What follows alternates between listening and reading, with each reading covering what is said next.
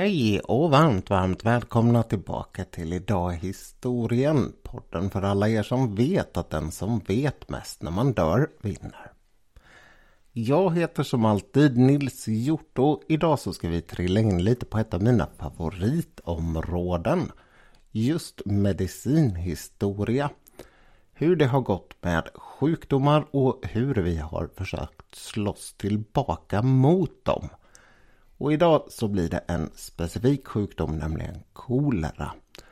Och jag tycker det här är ett väldigt fascinerande och intressant ämne. Ett ämne som blir särskilt spännande när man jämför det med vår samtid. Och ja, vi behöver väl inte riktigt prata om varför det är intressant att jämföra med moderna pandemier. Jag tror att vi alla är nöjda och glada ifall Corona snart bara är namnet på ett öl igen. Men vi ska titta lite på vad det finns för likheter och skillnader och sen ska jag försöka koppla ihop det här med ett personöde. En person som har spelat en särskild roll för min hemstad och som kanske har blivit lite onödigt hårt dömd här.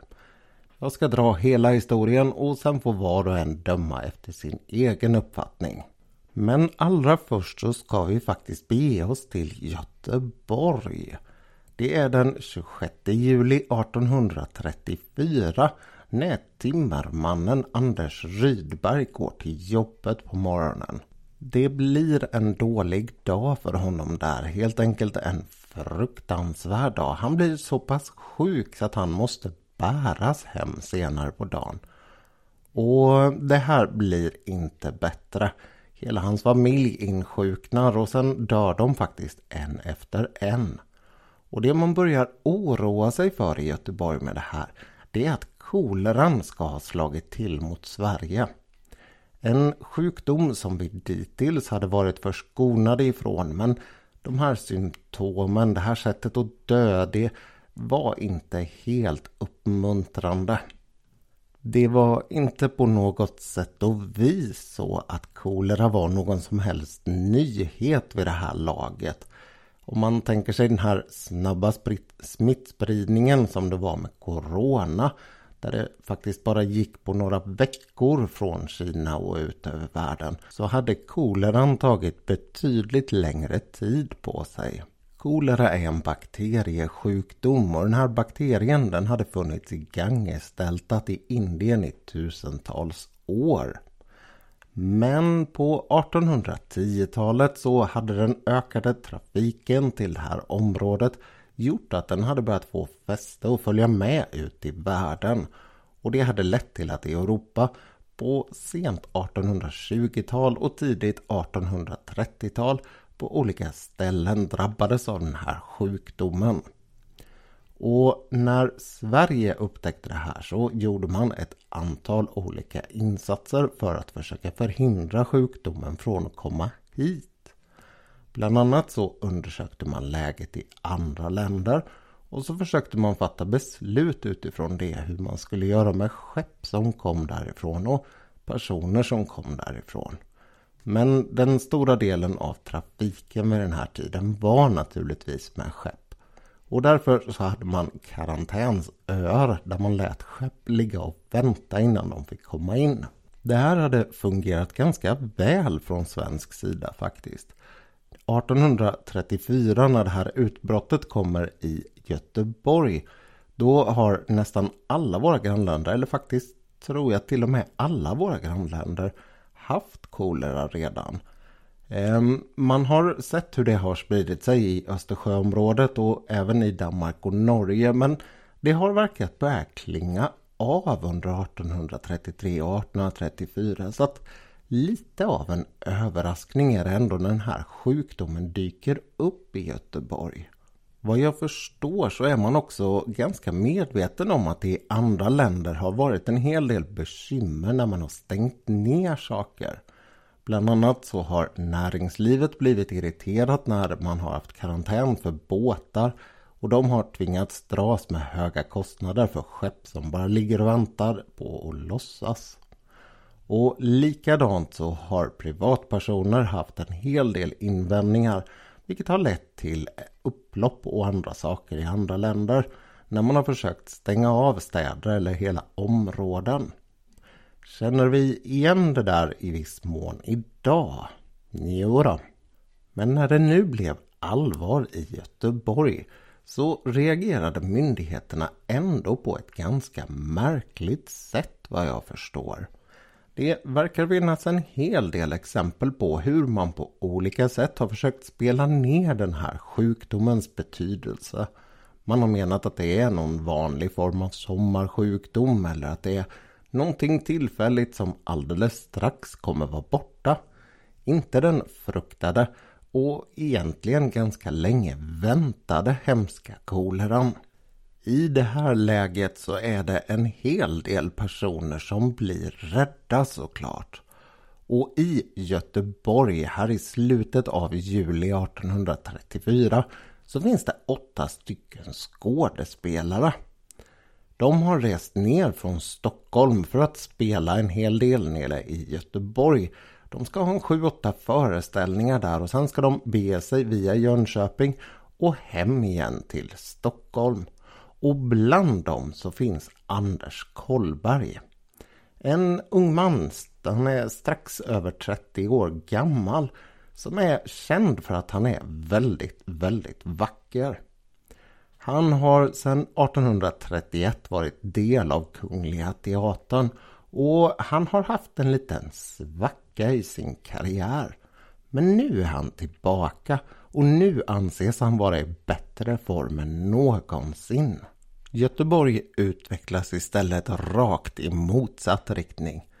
Folk blir ordentligt sjuka och det är allt fler och allt fortare. Man gör en utredning kring den här Anders Rydberg och hans familj. Hade de varit i kontakt med några utländska personer eller eh, kunde man hitta något annat sätt som de skulle kunna ha blivit smittade på? Det är inte helt klart vad det verkar men det var uppenbart att det var någonting som var ordentligt fel här nu. Och för det här teatersällskapet så finns ju chansen att lämna stan. Och den tar man. Via Borås beger man sig till Jönköping den 1 augusti. Och när man kommer fram den 4 augusti då är inte Anders längre i det där pigga, glada skicket längre. Den eh, reslige och välbyggde mannen har blivit ordentligt svag och han har börjat få diarréer och kräkningar. Samma tecken som han har haft i Göteborg och definitivt tecken på kolera. Det blir en kraftansträngning i vad som är en ganska liten stad fortfarande. Jönköping hade 1834 omkring 4 500 invånare och man skakar fram tre läkare som undersöker Kolberg. Det är provinsialläkaren, det är stadsläkaren och det är regementsläkaren.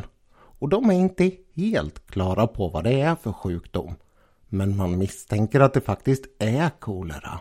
Det var inte de bästa förutsättningarna att få in en sjukdom av den här sorten i Jönköping i början av augusti 1834. Jag menar, det är ju sällan en särskilt bra idé att få in en sjukdom av den här sorten.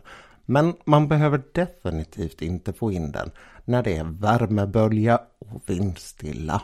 Jönköping, för er som inte är bekanta med min vackra hemstad, ligger på Vätterns södra strand och precis på andra sidan centrum, idag omkring 250-300 meter, så ligger det två andra större sjöar, Rocksjön och Munksjön. Det här området här emellan vid den här tiden är ganska ruggigt minst sagt. Det är sankt, det är blött och det är riktigt, riktigt trångbott. Det är perfekta förhållanden för en sjukdom som gillar värme, sumpighet och trångboddhet. Här på det platta området som utgör stadens centrum fanns det riktigt goda möjligheter för en rejäl katastrof. Det behövdes bara att någon gjorde ett rejält misstag. Och det gjorde man. Därför att Anders Kollberg, han gick bort. Fyra dagar efter att de har kommit till Jönköping den 8 augusti så dör den store skådespelaren. Och för att markera det här så ställer man honom på lite parad nere i centrum. Med andra ord, man ställde ut hans döda kropp på gatan. Och det berättas en hel del historier om en eller möjligen flera kvinnor som gick dit och klippte lockar av hans hår att spara. Det är väl lite oklart i vilken mån det där bidrog till smittbildningen. Men när jag tidigare sa att den här mannen har en lite mm, oförtjänt roll i Jönköpings historia så är det det som händer nu jag menar. Under de för sjukdomen goda omständigheterna i staden möjligen hjälpt av att en hel del människor är och pillar på den där kroppen så sprider sig sjukdomen som en löpeld i stan. Det blir en hemsk utveckling. Fattas bara när vi har att göra med en bakterie som ser till att ett sjukdomsförlopp startar där den insjuknade inte kan hålla tillbaka vatten i mag-tarmkanalen. Ta och plocka ut de där hörlurarna ur öronen nu om ni inte gillar de där otrevligheterna som jag brukar varna för. Det är nämligen så att när magen och tarmen inte längre kan hålla tillbaka det här så börjar vatten, riktigt tunna diarréer och kräkningar att tömma människan på vätska.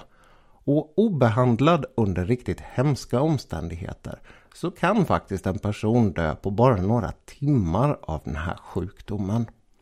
Alltså i storleksordningen 9-10 timmar, inte en, två sådär, men ett hastigt förlopp som dessutom ser till att så många andra som möjligt smittas.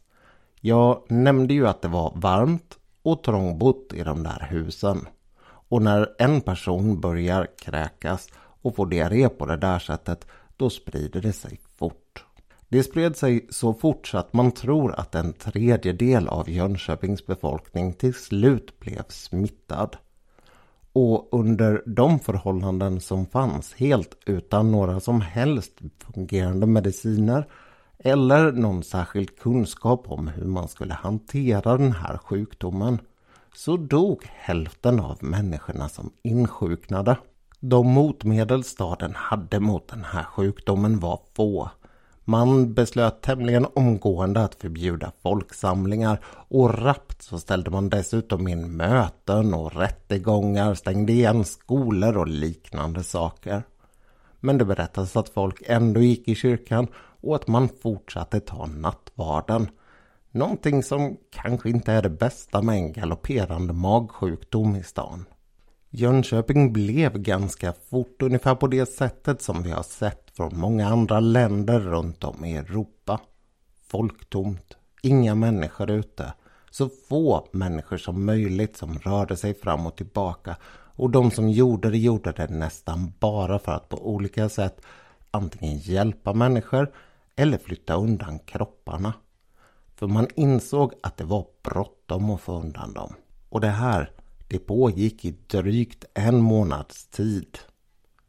En av dem som levde igenom det här var Viktor Rydberg. Han skulle förlora sin mamma till sjukdomen och han var själv bara fem år gammal när det hela skedde.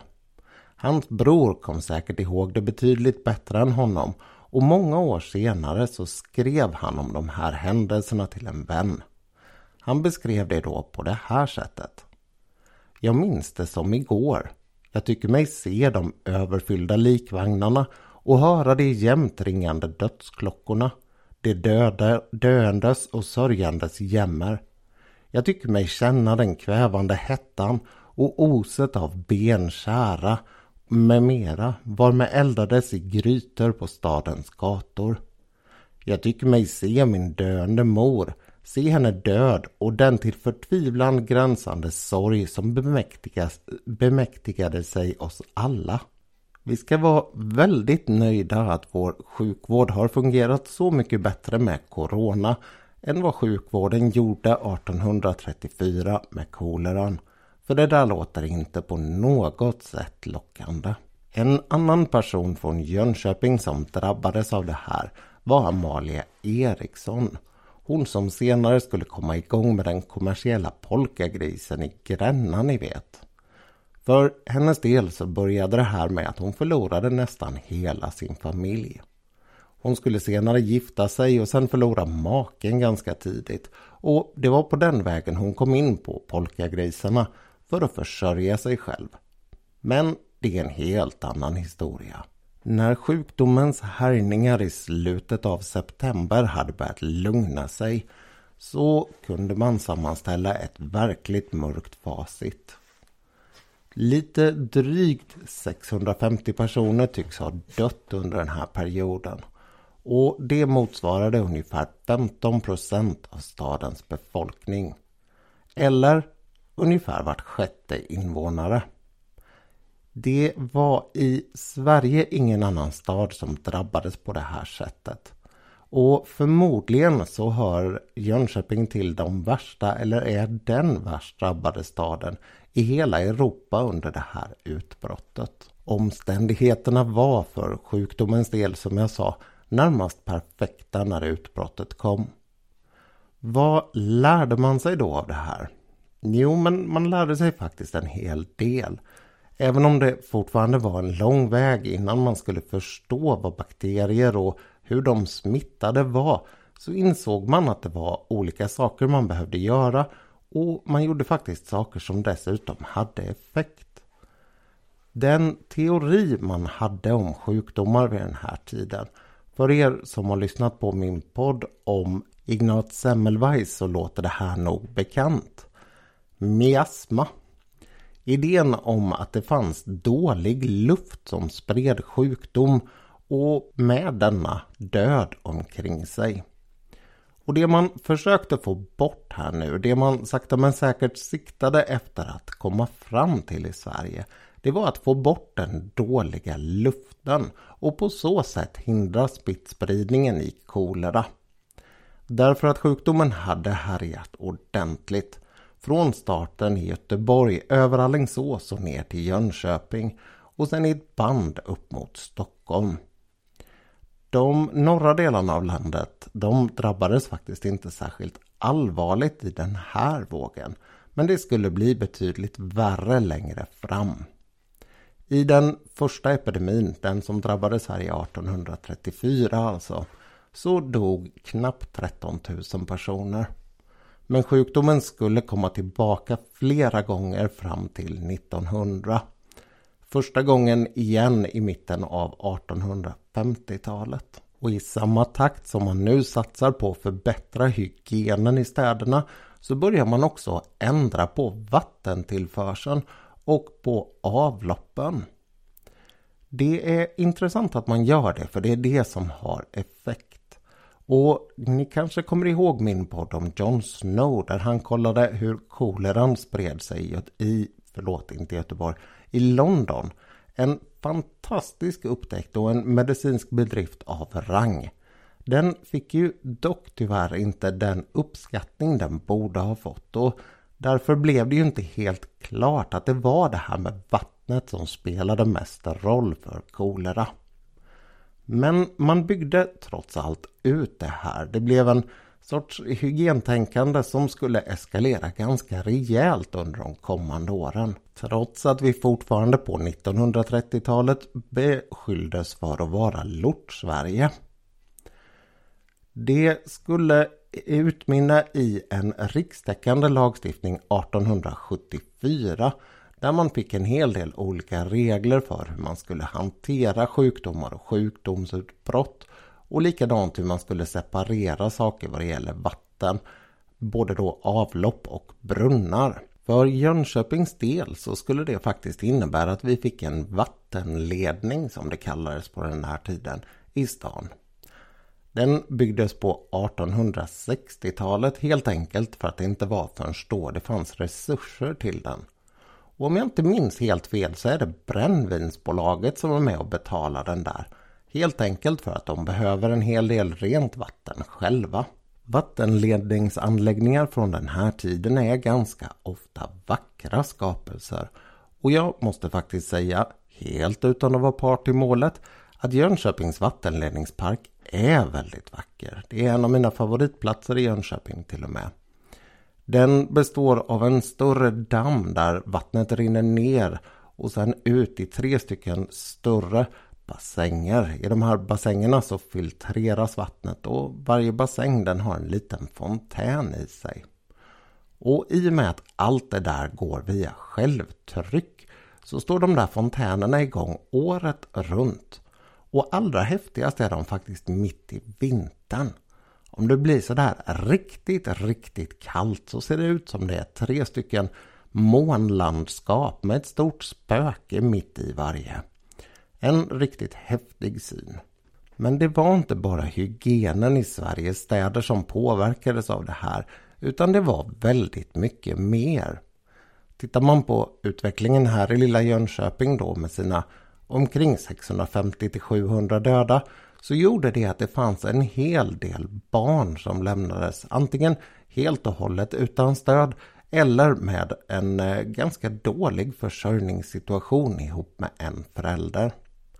Man räknar med att 200 barn hade vad man kallades för eh, att vara värnlösa vad det gällde alltså försörjningen och att 50 helt och hållet hade förlorat sina hem i det här. Och det här ledde till att man startade en hel del saker för att hjälpa dem. Bland annat en skapelse med det ganska fantastiska namnet Fruntimmersdirektionen. En grupp som på olika sätt och vis skulle försöka hjälpa de som hade drabbats men framförallt unga kvinnor. Man skulle lära dem olika sätt att få eh, möjlighet att skapa sig ett levebröd. Och en av de personerna som var inblandade i det här var Ulla Stenberg. En tyvärr eh, alltför okänd person från Jönköping som hade ett stort väveri här. Hon var uppväxt vid någonting som heter Gärstorp en bit utanför Jönköping. Och där, där är det andra avtrycket som den här sjukdomen, epidemin, verkligen hade eller har gjort på Jönköping. Där ligger nämligen Jönköpings kolera kyrkogård. En kyrkogård som skulle ligga tillräckligt långt bort för att man skulle ha kropparna långt ifrån sig men samtidigt tillräckligt nära för att man skulle kunna begrava folk samma dag som de dog. Det berättas om hur de som bodde i Gärstorp inte uppskattade det här allt för mycket. Men det gick inte att hindra.